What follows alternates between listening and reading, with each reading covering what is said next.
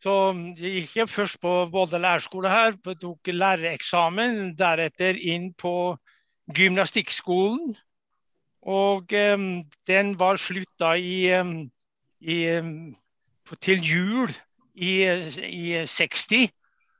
Og da hadde han en skihopper som heter Øyvind Fløystad. Og uh, jeg, vi hadde fått oss et skistipend så vi skulle da reise rett over til um, USA. Jeg hadde fått um, studieplass på Denver University og skulle studere um, kinesiologi av alt her i verden. Det er litt lite paradoks, paradoks for seinere i min yrkeskarriere. Så var det vel det faget jeg hadde mest opposisjon til og argumenterte mot de bl.a. i en artikkel som eh, heter 'Idrett, utdanning og vitenskapssyn'. Men, eh, men på, jeg kunne ikke reise over til etter jul. Fordi jeg gikk og tok noen eh, fag på, på musikkonservatoriet, så jeg måtte gjøre ferdig eksamenene. Og i mellomtida der, da kom det et brev fra Volda Eh, som ikke var skrevet av rektor, for han kunne ikke gjøre det. Men det var eh, den kroppsøvingslæreren som han ville leve så lenge at eh, jeg kunne overta, og det var mulig nå. Så da ble jeg headhunta til, til lærerskolen. da. Og det var på en måte i grevens tid, fordi da var et plinkende nytt idrettsanlegg med svømmehall og idrettshall under bygging. Og det var gjennomført av en arkitekt som absolutt ikke hadde så god greie på det. Men eh, derfor så fikk jeg frie tøyler, for formannen i byggekomiteen var ingen ringere enn Rolf Hofmo. Så derfor så eh, fikk jeg egentlig gjennomført det jeg ville. Jeg sa bl.a. med de stupebrettene som er i svømmehallen, så har ikke jeg kjangs til å, å, eh, drive med stupeundervisning. Og han Hofmo tok meg ned i parken og spurte hva, jeg, hva var det jeg fikk kort og godt alt det jeg ville. Og den salen hvor det ikke var plass til noen form for redskap når den sto ferdig i løpet av det året, så vil jeg garantere det var ikke en, en, en gymnastikksal som var mer rigga for motorikk og utfordringer i motorikk enn akkurat det. Og det var greit. Ellers, ja. Ja, Veldig bra, Asbjørn. Eh, vi skjønner, og Dette her har foregått noen år, skjønner vi, så her, den interessen har eh, vært lenge. Um, da skal jeg gi ordet til nestemann i panelet, Olav Bjarne Lysklett. Eller eh, vi får vel lov å si Olis, uh, Olav Bjarne? Det stemmer, det. Gjerne, hel, helst det. Helst det. Um, jeg kan jo uh, si av meg sjøl at jeg har allsidig skibakgrunn. og jeg gikk på sånn skigymnaset på Oppdal i, på midten på 80-tallet for å bli alpinist. Eh, jeg ble ikke det, da, men eh, jeg hoppa på Telemarksbølgen da den kom på 80-tallet. Og på, da tok jeg systematisk treningsarbeid inn i telemarkssporten og ble verdensmester tre ganger og etablert, etablert, etablert Telemarkslandslaget tidlig på 90-tallet. Og da jobba jeg mye med skiutdanning. Jobba utvikla sånn, trener 1-kurs og skileklederkurs og sånne ting. Og ja, fremdeles så går jeg mye på, på ski, langrenn og spesielt rando. Um, av utdanning så har jeg hovedfag i idrett. og Hovedfag er litt mer enn en mastergrad. Og, og fokuset er på motorisk læring, da. Mm. Jobba med barnehagelærerutdanning i 20 år. Og nå er jeg dosent, en slags professor uten doktorgrad, på Dronning Mauds Minnes høgskole i Trondheim. Og Der driver jeg skriver en bok om skilæring sammen med en kollega som heter Katrine Bjørgen. Og den kommer til jul, hvis alt går etter planen. Og I tillegg så har jeg gjort masse opptak av barnehagebarn nå i det siste. For også, vi skal lage en læringsvideo om ski i barnehagen. Så den får vi ut i løpet av våren, og Skiforbundet er med. Og dere, eh, den blir lagt ut på sidene der. Og Jeg gleder meg veldig til dette webinaret, og er ganske beæra over å få dele skjerm med Asbjørn. har fulgt med på eller drevet med skilek siden han introduserte begrepet i 1987 med boka si. Fantastisk, Olis. Tusen takk. Eh, jeg tenker, eller Vi har tenkt litt sammen at vi må nesten sette oss litt i stemning her. så um, Da har Asbjørn Mølse grei å funnet fram et klipp fra må si, gode gamle dager, Asbjørn. som mm. Eh, du kan jo si litt eh, Når var dette spilt? Det klippet vi skal vise nå, fra Dagsrevyen er det vel? Eller hva det het for noe da? Nei, Det er slutten av, av på begynnelsen av 80-tallet, tenker jeg. Ja. Det var, da var, hadde jeg begynt med, med et skileikprosjekt. Vi, vi hadde statsøvingsskole um, hos oss.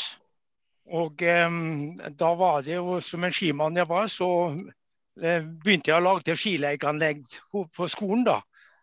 Uh, og så fikk han Steinar Hove, som en, en kjent mann på, på Beitostølen, nyss om det. Og da betalte han vikar for meg i eh, tre måneder for å drive, videreutvikle skileiken da på, på Beitostølen. Og dette her er jo da et, et resultat av det arbeidet på Beitostølen. Da skal jeg dele den, uh, Asbjørn. Skal vi se her. Der har vi den. Da prøver vi. Leik på ski er grunnlaget for hele den norske skitradisjonen. Men nå er denne leiken i ferd med å forsvinne fra nærmiljøet. I boligområdene er det ikke avsatt plass til slik leik. Småbarn blir i stedet trukket med på turer i preparerte løyper. Og de fleste unger får sine første skiopplevelser i oppkjørte spor eller i store alpinanlegg. Fordi at det blir det eneste alternativet som barn får så betyr de en klar barriere mellom barn som har lyst til å gå på ski, og muligheten til å få gjøre det.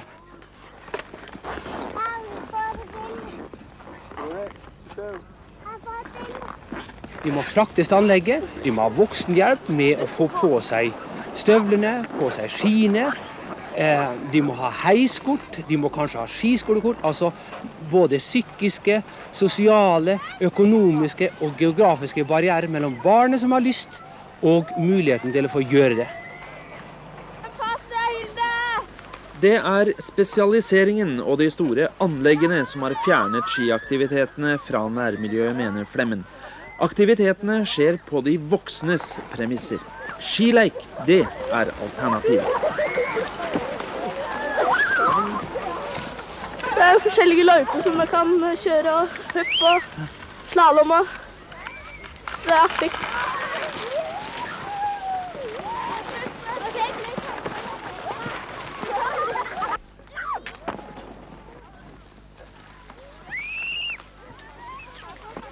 Skileikanlegget på Beitostølen det er et prøveprosjekt. Og det materiellet som skal til for å bygge slike anlegg, settes nå i produksjon av et norsk og et svensk firma i samarbeid, med støtte av Norsk-svensk industrifond.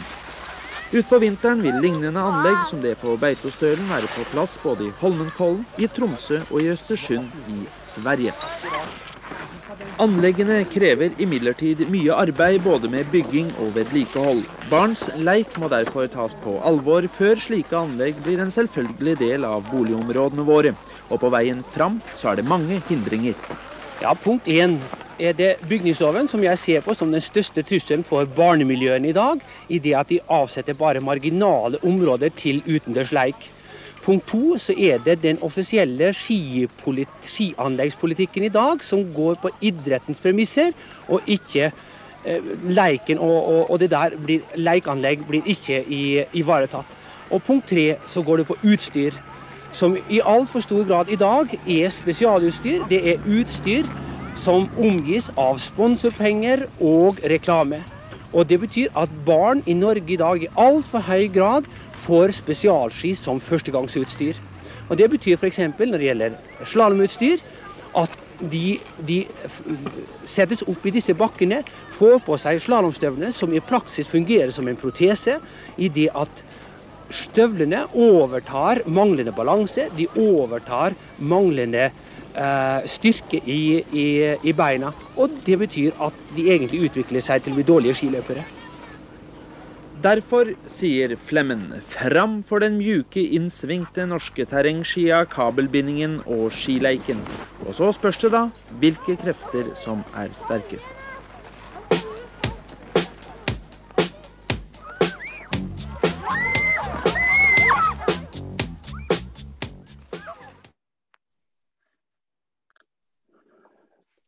Ja, Søren, det var moro å se tilbake.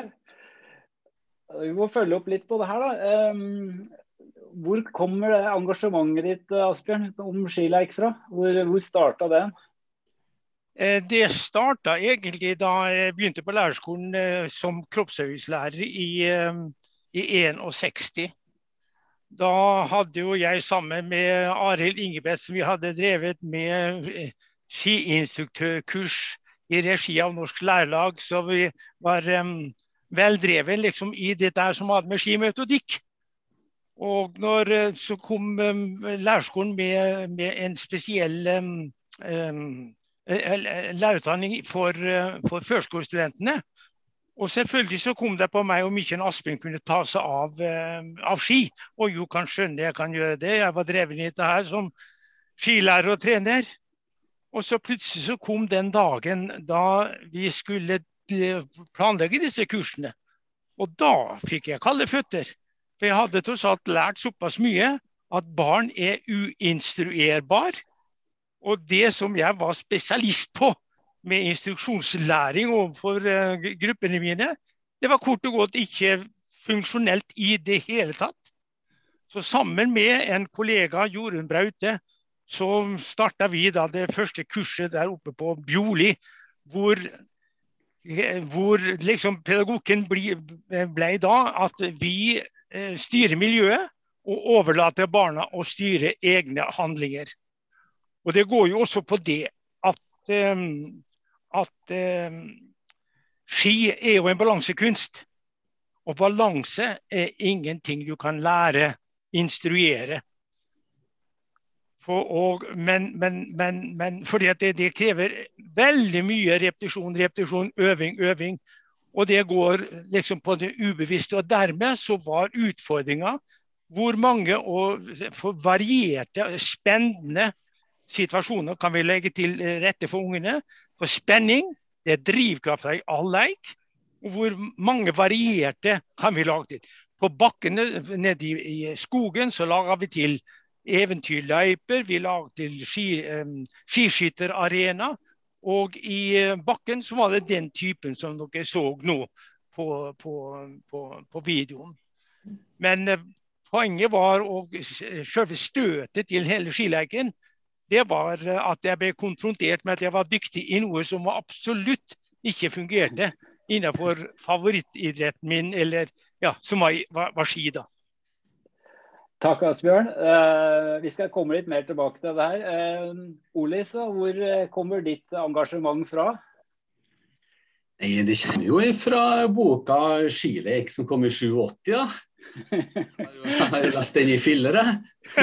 men, men, men, jeg tenkte jeg, jeg har en liten sånn Bare sånn noen få powerpoint-slider som jeg tenkte jeg skulle vise dere skal vi se, jeg fikk det jo fint til i stad. Regner med det skal gå uh, uh, bra nå òg. Der. Dere ser den der nå, fine, fire fine bildene der, ikke sant? Ja da. Yes, yes, yes. Og så skal jeg bare justere litt der, ja. ja. Nei, fordi at jeg mener at all skiaktivitet for unger bør være prega av leik. Fordi at Det er når ungene leker at de blir motivert og klarer å, å prøve på nye bevegelser. Og eh, Når de prøver på nye bevegelser, så oppdager de hva som funker godt, og da vil de gjenta eh, bevegelsene. Og uh, For å forklare her, hva som skjer når unger prøver på nye bevegelser, så pleier jeg å ta utgangspunkt i en sånn trekant, trekantmodell Eh, som, eh, som, er lett å forstå. da. Fordi at eh, Den syns jeg passer veldig godt til, til, til, til skilek. da. Her har dere trekantmodellen, og den viser etter min mening da hvilke, hvilke faktorer som påvirker ungers bevegelser. og, og det her er en dynamisk prosess. Alle tre faktorene påvirker bevegelsene som utføres, og de påvirker også hverandre. Og, men i, i skileik så er det først og fremst eh, miljøet som, som vi som voksne kan eller som påvirker. Da. Men vi, vi voksne kan også påvirke oppgaven og individet. Og individet er jo unge, den enkelte unge, og hvilke ressurser og erfaringer det har. Og miljøet det er jo hvilke omgivelser bevegelsene foregår i, og, og, og oppgaven det er hva ungen, da, eller barnet, ønsker å prøve å få til. Og alle de faktorene her kan vi uh, påvirke. Sånn at uh, individet, ungen, kan vi påvirke gjennom å veilede til å ha på seg godt eller uh, gi det rett utstyr. Ski som er passe lang, funksjonelle klær. Og, og ivareta ungenes grunnleggende behov. da. Um, oppgaven er ofte uh, den som treneren uh, jobber mye med. Da. Og uh, det er jo valg av leker. Du kan gi råd, du kan gi oppgaver, eller være på en måte aktiv sjøl, så ungene kan på en måte herme da, litt på deg. Og så er det miljøet da, som, som du kan påvirke. Og Først og fremst så handler det for meg om at man som trener velger et aktuelt område, enten det er flatt eller eh, hvitt eller smalt, eller, eller, i motbakke eller i nedoverbakke. Og, og, så kan jeg kan for, også gjøre forskjellige tilpasninger, da, som å grave ting eller markere ting i, i snøen og sånne ting. da. For poenget eh, mitt, og som jeg syns at alle trenere bør tenke på, det er hva er det jeg ønsker å prøve å få ungene til å gjøre? Og, og, og, og da er det et eksempel på det. Da skal jeg, skal jeg vise dere en, en, video som jeg har eh, nettopp tatt opp. Skal vi se Må jeg på der og der. Og der Yes, der, vet du. Og dere kjenner leiken rødt lys? Det er når jeg er foran, og så står ungene på rekke da, bortover da. Og her har jeg tatt opp uh, rødt lys da, i, med en gjeng barnehagebarn. De er fire og fem år her, da. Og eh, prøv å følge med nå på hva som, eh, hvilke bevegelser de gjør på ski i den nedoverbakken her da når vi starter.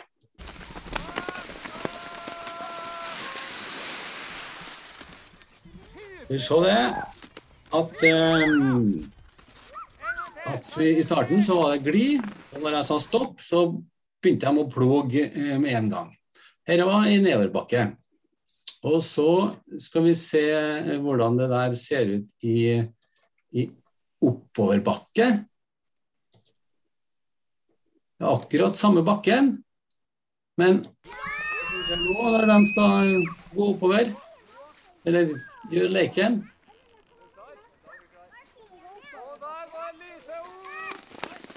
Lyset går opp, ja. Det. Her er fokus på å komme seg framover. Og, og, og, eh, Der bruker de forskjellige teknikker. Noen går fiskebein, og noen, noen klarer seg uh, uten. da. Noen må gå bakover, ser dere. Ja.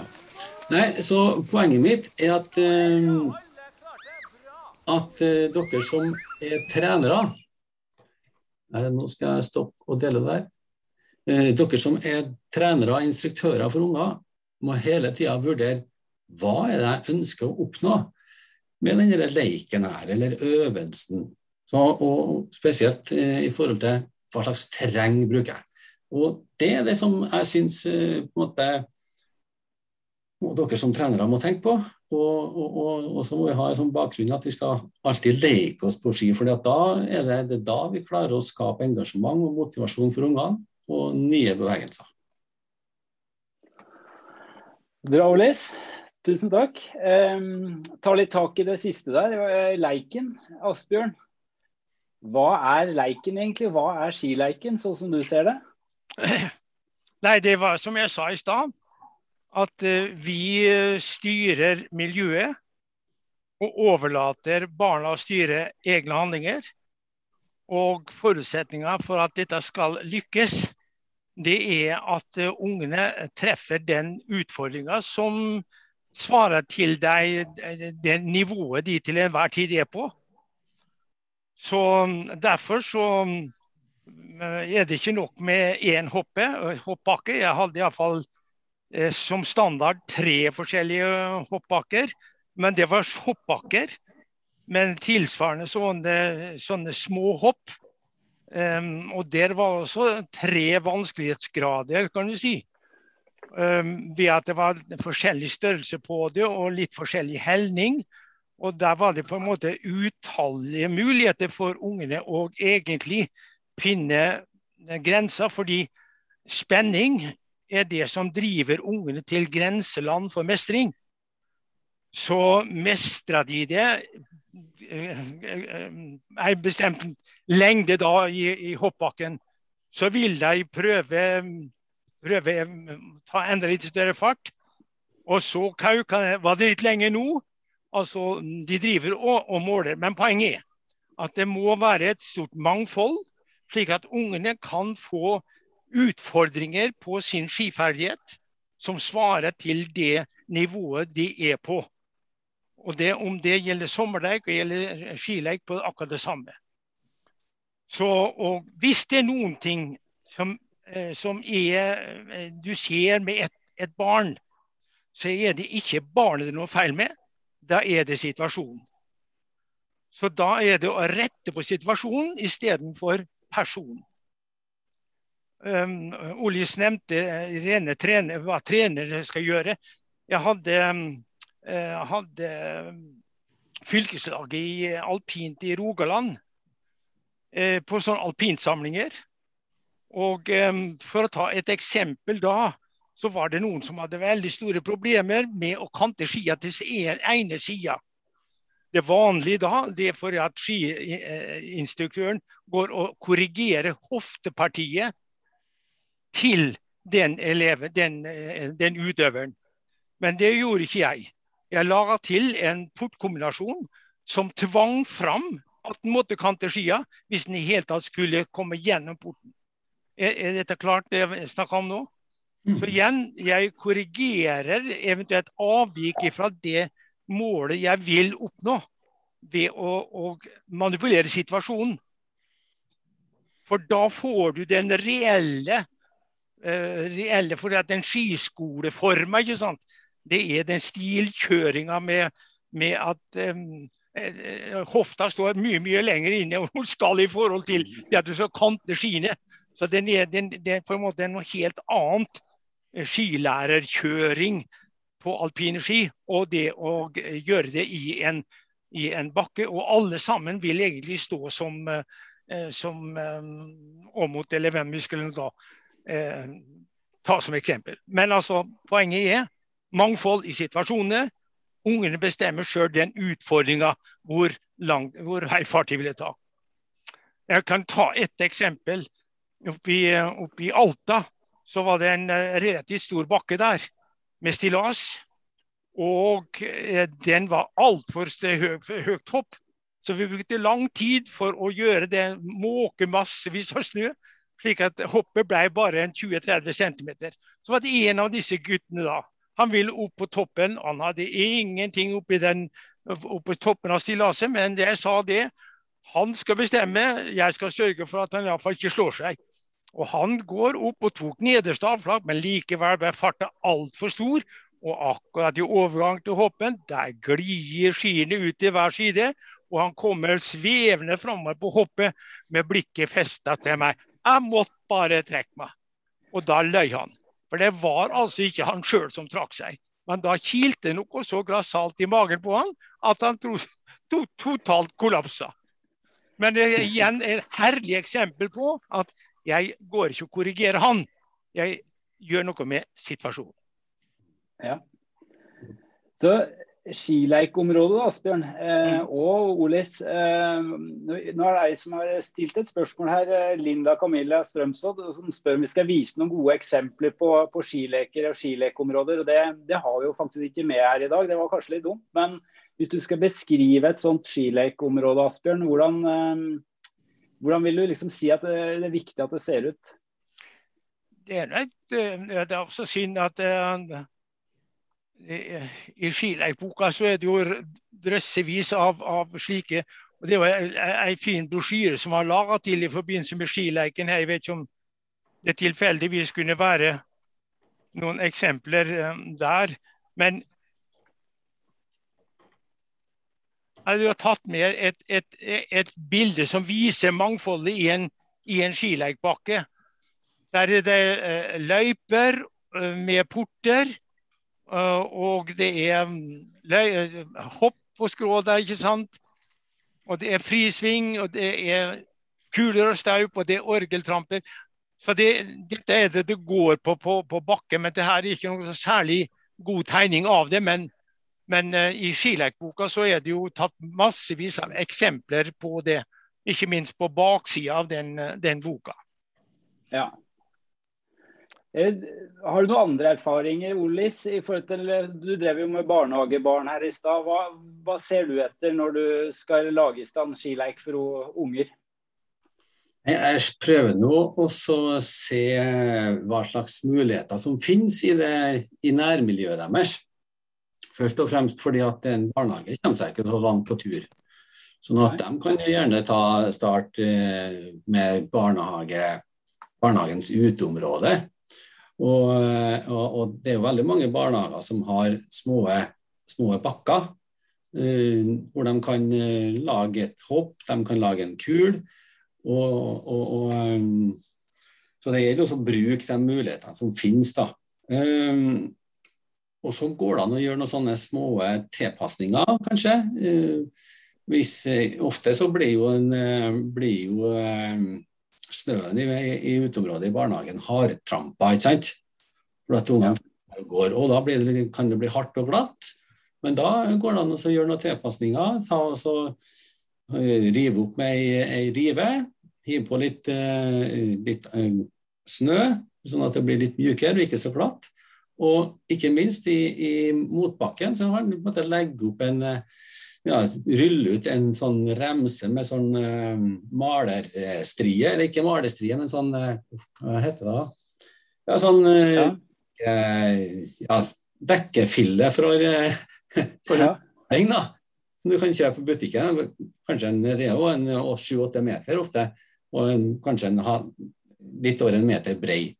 Man, det, det er en fin tilpasning. Da kan man jo, kan jo ungene gå der og slippe å og, og sånn at friksjonen blir større, så de slipper å slite med å komme seg opp. F.eks. Det er en tilpasning man lett kan bruke da, eller kan gjøre da. Bra. Eh, men jeg, eh, det var, ei hun spurte om vi hadde noen gode eksempel på, eh, på skilekeområder. Var ikke det hun spurte om? Hun... Ja, skileker eller skilekeområder. Ja, Eh, og da tenkte jeg jeg kunne vise, vise skjermen min her nå. Ja. Fordi at eh, hvis dere ser her nå, så ser dere Gråkallen eh, skileik i Trondheim. Dere, gjør, dere gjør det? Ja, vi ser den. Kjempefint. Ja, ja, ja. Uh, det er, det er den, ikke for å skryte av Trondheim, men Eh, for trønderne skryter ikke. Nei, men, eh, men, det er i hvert fall et veldig godt eksempel på gode eh, et godt skilekeområde. Og bare sånn kort fortalt nå, det som dere ser, er masse forskjellige løyper i, i bakke. Kuler, hopp, slalåmløyper. Men, men, det dere ikke ser, er det som er, er det beste med dette anlegget. Det er at rundt i, i skogen på en måte oppi der hvor jeg har uh, musa mi nå, der starter det noen løyper som går i skogen hele veien rundt, og langt ned, og i noen sløyfer på baksida, og ender det, det, og det ender opp oppi helt til motsatt side. Ser dere opp der musa mi nå? Det ender opp der. Og den løypa er over 1000 meter lang og har doserte svinger, har hopp, har kuler, har staup, svinger og skøytebakker. Ja, alt mulig. Og det er den eh, Der får ungene virkelig eh, brukt seg, altså. Så sjekke litt mer ut på dette, eh, anlegget her, hvis dere vil få noen gode ideer. Veldig bra, Olis. Ehm, jeg kan jo tipse om at på våre nettsider òg, under anlegget på Norges nettsider, så skal det være en del ehm, Kall det litt sånn tips og oppskrifter til eh, hvordan du bygger kuler og hopp og sånn, ehm, hvis du lurer på det. ja, så du finner en del informasjon der. Bra. Um, skal vi ta litt videre Asbjørn og Olis, på det med akkurat skileiken og, og, på en måte treneren. Også, vi, jo, vi, hadde en liten prat før dette webinaret begynte, og det stilte dere et spørsmål. Som trener vi barn? Uh, vi heter jo trenere, vi som driver og aktiverer, men, men trener vi barn? Skal vi starte med deg, Asbjørn. Hva tenker du hvis du stiller det spørsmålet? altså, vi, er vi veldig aktive i barns utvikling som trenere? Å ja, det er jo ikke tvil i, tvil i at, eh, at, vi er. Eh, men eh, hvis vi er trenere, så er det et bevisst valg fra, fra eleven at han vil bli god i et eller annet. Og da er det at vi selvfølgelig er, er, er trenere og, og, uansett hva vi gjør, hvis det er på, på, på deres premisser, så er jo dette byggende for, for barnet og alt vi gjør sammen med dem. Det, det, er utviklende for dem. For det vi da gjør, hvis de vil, bli, hvis de vil lære en bestemt teknikk, så er det for meg sånn livslang læring. Dette er noe jeg vil drive med i framtida. Så, så der som trenere, og da er jo igjen utfordringa for oss som trenere, det er å gjøre det på en slik måte at det er motiverende. Og da er det igjen å gjøre det på en, en spennende måte, slik at de samtidig føler seg trygge. I hopp f.eks. så er det jo selvfølgelig veldig viktig at en har en feeling, slik at en ikke eh, utsetter de eller eh, forventer for mye av, av de, At en har en feeling for hva er liksom kvalifikasjonen deres? Ja, bra. Olissa, hva tenker du om, om spørsmålet, holdt på å si? om vi trener barn, ja. Ja. ja. Eh, ja, jeg ville kanskje ikke brukt ordet at vi trener barn, eh, men at vi, vi, aktiviserer jo barn. Og, og, og gjennom det eh, at vi kan vi jo skape situasjoner hvor de sjøl får være i, aktivitet, og hvor de sjøl får kjenne på at de lykkes, og, og, gjerne sammen med, med, med, andre. Og når vi skaper aktivitet, så, så blir det jo som jeg sa her i stad, at de kjenner på bevegelser som de, som de lykkes med. Og og Det blir på en måte vår eh, oppgave. da. Men eh, samtidig så eh, er det jo sånn at hvis det er noen som sliter med et eller annet, så eh, er det jo miljøet og situasjonen som vi må eh, rette på. Og, og, sånn at vi bare setter dem i den situasjonen som gjør at de må kante skia si mer enn en, en, en de eh, har klart før, f.eks. Det er som Asbjørn sa i stad, at de retter på på, på situasjonen og miljøet istedenfor på, på det individet. da. Så, men um, Ja, nei, vi, vi trener vel ja, vi, Trening, ja, ja. Men det er jo øving, da. Kan du kanskje bruke ordet øving, da. Ja. Eh, hvordan lærer barna? Jeg tar den Molis først nå som var i siget. Hvordan, hvordan, hvordan de lærer? Ja. Jo, det er jo det at de, de prøver ut, de prøver ut en, en løsning på en de, de har en tanke om hva jeg ønsker å gjøre. Eh, F.eks. Eh, når de kjørte rødt lys, så var jo tanken, eh, målet deres jo, nå skal jeg prøve å stoppe så fort som mulig. Var det som var tanken min. om at Det skal jeg prøve å få dem til å gjøre. Og så eh, hadde noen, hadde noen av de ungene de hadde jo en idé om at ja, da måtte de kante skien, og de måtte sette den ut i plog, og så presse på skien sånn at de stoppa. Og, og, da har de en, sånn, en tanke om hva er det de ønsker å oppnå.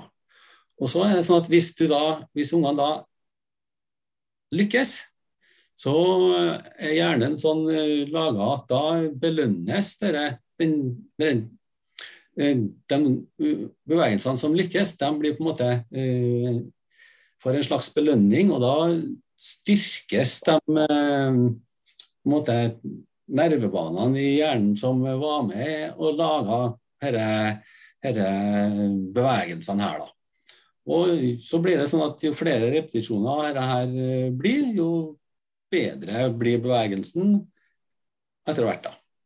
Så sånn, så sånn mener jeg at ungene lærer, da. Ja. Her, her regner jeg med Asbjørn har noen innspill. Hva tenker du, Asbjørn? Ja, um det, det barna lærer av, det er hva vennene gjør. Um, og det, er, det var universitetet i Hva heter den fantastiske, berømte skinka nede i Italia? Nei, nei ja. Serrano, kanskje? Serrano, ja.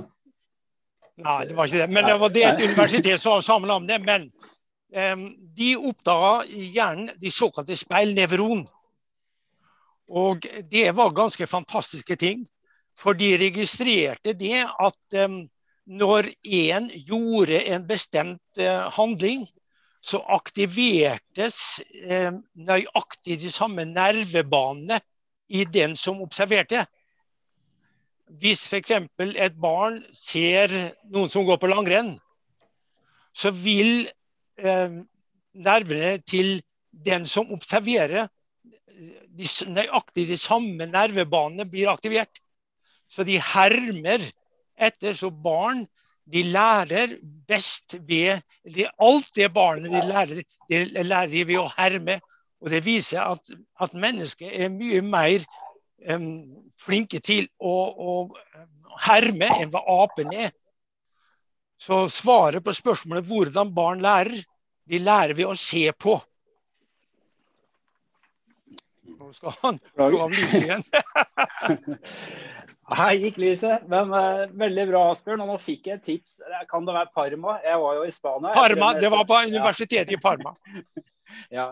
Og du kan si at eh, Jeg har skrevet en artikkel som gjerne kan legges ut på, på uh, hjemmesida til uh, Skiforbundet.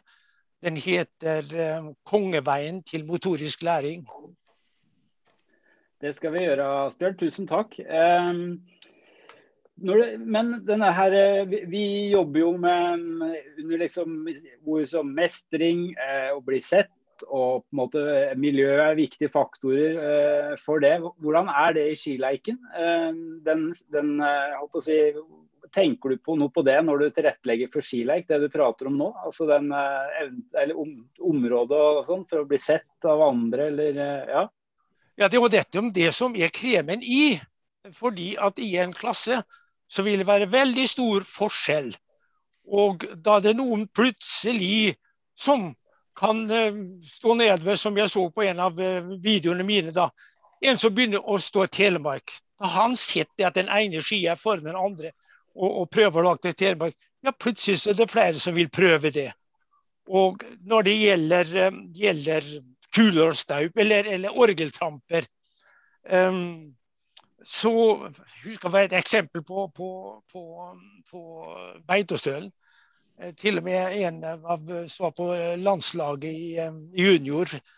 Han brukte orgeltrampen i motbakke med den farta, og plutselig så var det flere som så, også måtte stå og prøve. Og da lærte de seg å bruke alle unnabakkene som tross alt er i motbakkene.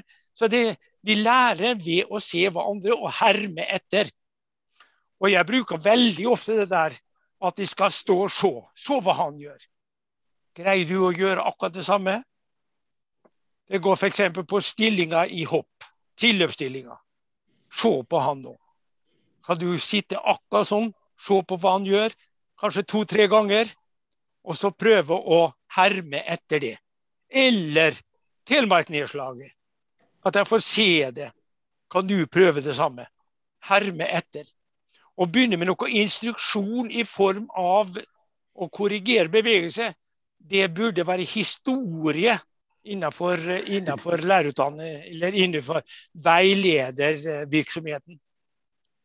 Ja, det var jo et spark rett videre til Olis som utdannet ja, ja, ja, jeg, jeg, vil gjerne følge opp den, den, den Asbjørn sa om denne gjengen som brukte orgeltrampen til å så måte komme seg oppover bakke.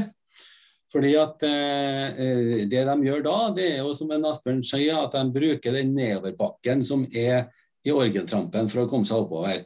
Men da må de jo sette trykk på, på foten i, i, nedoverbakken for å utnytte det der. da. Og, og det å så oppdage at det her, her, her funka, det, det, det, tror jeg man må kjenne på sjøl. Og, og, og, det er når man kjenner at å, dette her var en bra bevegelse, det, det er da jeg mener at uh, ungene lærer best. da. Jeg tror at det der er noe som ungene gjør ubevisst. De bare ser det at han får fart, men for søren får han fart. Og da ser de jo det.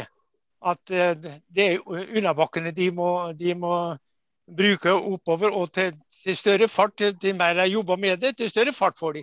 Så mm. jeg er ikke opptatt av at ungene skal ha noen som helst bevissthet på at du skal trykke på det. Dette der skjer ubevisst. Jeg skal ha stor fart. Hvordan får jeg stor fart? Jeg får stor fart ved å trykke, trykke, trykke. Ja, ja. ja jeg, jeg, sier heller ikke at de driver på å tenke så veldig mye på, på, på, på hva de gjør, men, de, men når de gjør det, så oppdager de at ah, dette funka bra. Ja, ja. Mm. Asbjørn, jeg kan jo ta et eksempel. Jeg så jo det for så vidt i den videoen fra Beitostølen som vi starta med. Men eh, hvis du ser en unge som kjører veldig sånn oppreist og stiv og strak gjennom en, en kuleløype, eh, og vi prata litt om manipulasjon i stad. Hva ville du ha gjort da eh, som en skileiktrener da, som står på sida? ordet skileiktrener, det er, det er, det er virus. Nei, det, det, er kort og godt ikke noe annet enn at, at jeg ville finne den, den kule, kule og staupen hvor en ungen kunne gjerne stå med stive bein. Ja. Men så vil jeg kanskje pense ned Kan du prøve der borte? Og gjennom på den måten at hun finner ut fordi at det er klart at hun står med stive bein. Da har hun utrolig dårlig balanse. Og ja. da er det det å kunne bare stå i mer La henne få lov å stå som, med stive bein, men vi må prøve å variere situasjonene. F.eks. da eh, Jeg brukte sånne kabel eh, sånne, sånne plastkabelgreier som jeg legger oppå ja. Så jeg la ut remser av det, hvor jeg skulle prøve å stige over fra side til side. Da er det et eksempel på å utfordre greie deg og gå fra side til side uten å trakke på plasten. Som eksempel på å lage til utfordringer for å stimulere til balanse. Ja. Men jeg instruerer ingenting. Men det, det er, jeg må tilrettelegge den situasjonen som er litt vanskeligere, men slik at hun fremdeles lykkes. Et annet eksempel, en annen løsning på det der kan jo faktisk være å be den jenta Kan du ikke prøve å ta litt større fart? Fordi at Hvis da jenta tar litt større fart, så må hun faktisk klare å fjære litt på kulene. Hvis ikke så er det fort at hun letter. Ja, det var det jeg prøvde å uttrykke. At det var ja. da prøvende i en litt vanskeligere kulere staup. Og da vil hun begynne å bøye, fordi at hun vil ikke dette. Nei. Det er det Nei. som er poenget. Det er det at jeg skal stå. Og da er det at hun helt automatisk begynner å bøye knærne sine. Jeg så jo òg i videoen Asbjørn, men det er mulig jeg tar feil, men at du hadde satt opp noen portaler oppå toppen av kula? Ja. Det er jo et, et tilsvarende måte ja. å eh, legge til rette en eller annen eh, hindring som stiller større krav til balansen. For det er det hele tiden å få, få variert utfordringene på, på balansekunsten. Det er kjempebra. Uh, Olis, når du, du, jobber jo på Dronning Mauds binde med, med barnehagelærere. Uh, utdanner framtidas pedagoger. Uh, hva vektlegger du, som, du med liksom, i undervisninga for de, i forhold til skiaktivitet og skilek ute? Det, det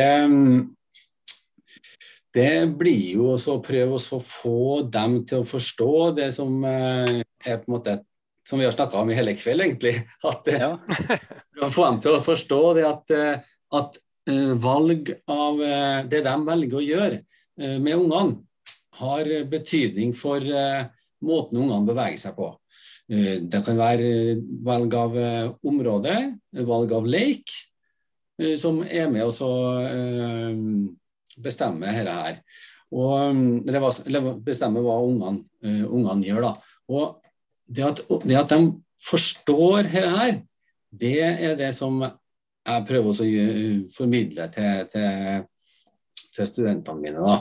Og Jeg har en sånn eh, kort sånn eh, progresjon som jeg pleier å ta med dem. da, eh, og Som består av masse forskjellige leker. Og den kan jeg jo bare liksom Jeg pleier å starte med den leken som heter 'Alle mine kyllinger'. Noen, kanskje, noen kaller det hauk og due òg, hvor, hvor ungene skal gå fra én plass over til en annen plass. Og så har de en hauk i midten, eller en, en rev i midten, uh, som skal prøve å ta, ta, eller ta kyllingene, eller duene. Da. Og da er fokuset at de prøver å komme seg framover. Fra den ene sida til den andre sida. Og det der kjører jeg med studentene mine, og mange av dem har jo elendige skiferdigheter. de klarer så vidt å komme seg framover, ikke sant. og, og det, men sånn, sånn, er det nå. Eh, vi har eh, folk som kommer fra, kommer fra kysten, og vi har folk som kommer fra, fra asfaltjungelen og fra fremmede kulturer som aldri har stått på ski før. Så det, men, men etter hvert da, så, så utvikler jeg leken her med, at, med å si at eh, OK, nå, nå, eh, nå, gjør vi sånn at den som blir tatt, den blir rev igjen. Sånn at da blir det flere og flere rever. Og da blir, da blir um, utfordringa for studentene og ungene for den del, hvis det er unger med, og fremdeles komme seg fra den ene sida til den andre sida. Men hvis det er mange flere rever, så må de begynne å svinge og gjøre retningsforandringer hele tida. Og da har vi satt inn et, nytt, et helt nytt element for, uh, i leken. Nemlig det å ja, gjøre uh, retningsforandringer. Og, og, det krever noe helt annet enn, enn det å komme seg rett fram. Så, og, og, sånn kan man drive på og jobbe med alle leker. Og, og, når man velger en leik, så må man måte tenke på det her. Hva slags bevegelsesmønster er det som er i den leken her? Og hvilke eventuelt tilpasninger kan jeg gjøre, da, og hva blir konsekvensen av den tilpasninga som, som, jeg gjør? da. Det jeg prøver å formidle til, til, til, til, mine studenter, at de må på en måte prøve å komme dit at de vurderer hvilken, hvilken leik og hva slags område de velger. da. Hvis du tenker på, jeg pirker litt til borti da, men det, det området som eh, vi, vi, har jo, Det er sikkert mange som er trenere i dag, og som er eh, i skiklubber og skianlegg. og Hva er det de bør se etter, hva er det de bør tenke på hvis de skal ha et barneområde? Hva er det som gjør at det er egnet for aktivitet? Det er noe Jeg vil, vil påstå at absolutt alle områder er jo egnet for en viss type aktivitet. Men ja. det, er at, eh, det, er ikke sikkert at, eh, at man kan eh, måtte, leke det samme i, i, den smale, trange passasjen borti, bort på Haugen her, som man, kan, som man kan leke på flata. Sånn at Svaret på spørsmålet ditt blir jo at, uh, at man må prøve å finne varierte uh, områder og prøve å utnytte de måte, særegenhetene som områdene har. da. Eventuelt at man kan eh, prøve å tilpasse områdene litt, hvis man ønsker å få fram eh, noen spesielle eh, bevegelser. Da. Så det må jo se mulighetene. Asbjørn, når du, når du, skulle lete et område, et område du ville lage en skileik, hva så du etter når du skulle måtte lage det området, eller eh, på Beitostølen når du holdt på i lang tid? Nei, Det ideelle, det er å finne et område hvor det er bakke imot flate. Sånn som f.eks. Eh, skilekanlegget som vi hadde på Statshøgskolen i sin tid. Den, eh, der gikk flata rett ut på en ballfeltet. Og der er vi inne på det der med at, at um, ungene må føle seg trygge. Og de, de må vite uh, Og det har, har med, med landinga at du kan greie å stoppe, liksom. Ja. Uh, ja. Så det at det er selvfølgelig variert bakke. For en bakke der kan du gjøre så veldig mye med små justeringer. Slik at eh, du oppnår å skape situasjoner som de syns er greier det, eller greier det ikke. Og der er jo f.eks. disse brøytestikkene og klokkene eh, som var vist på, på eh, Beitostølen-videoen. Disse brøytestikkene der fikk jeg på, på en fjellovergang. Det er brøytestikker. De var kjempefine. Men eh, og, og, og det, med bare slike enkle midler som stokker, så kan en lage til utfordringer som stiller krav til balansen. Og det er det vi er ute etter hvis de vil utvikle seg, eller vi vil og de ønsker å utvikle seg som å bli glad i å ski. Da må de føle seg trygge, og, og det har med balansen og det er forhold til tyngdekraft. Det er der i spenninga i ski ligger. Greier jeg det, greier jeg ikke. Det er bra. Um, jeg, jeg, har et lite sitat her, Asbjørn, fra Utdanningsnytt nummer tre. Der står det Barn beveger seg faktisk av egen lyst og vilje dersom omgivelsene oppmuntrer til det. Hva, og det er det du som har skrevet. Hva det, tenkte du på når du skrev det? Det kan du si at det, dette er et um, underforstått understatement. Det, det er, er uttrykt i en irritasjon på det at alt må instrueres. Og når jeg ser den siste kroppsøvingsplanen nå, som setter opp grunnleggende bevegelser som å krype, hoppe, springe, løpe, det settes opp som kompetansemål. Og det betyr at det settes opp som noe vi kroppsøvingslærere skal instruere. Atferd som er så til de grader nedfelt i genene våre. Å drive fram det er ferdigheter som drives fram, gitt at situasjonen er der. Du kan ikke klatre hvis ikke noe å klatre i. Du kan ikke kaste noen ting hvis du ikke har noe å kaste. Så disse ferdighetene, og det sto det i den forrige eh, læreplanen, at det skal legges til rette situasjonen slik at disse grunnleggende bevegelsene våre kan automatiseres. Og Derfor er det situasjonene som vi tilrettelegger, med mangfold, som gir kvantitet av erfaring, som driver fram utviklinga. Og dette går rett på hjerne, hjerneutvikling. mye mer hjerneutvikling i, i den frie, spontane leken enn det jeg som kroppsøvingslærer kan få til gjennom instruksjonen.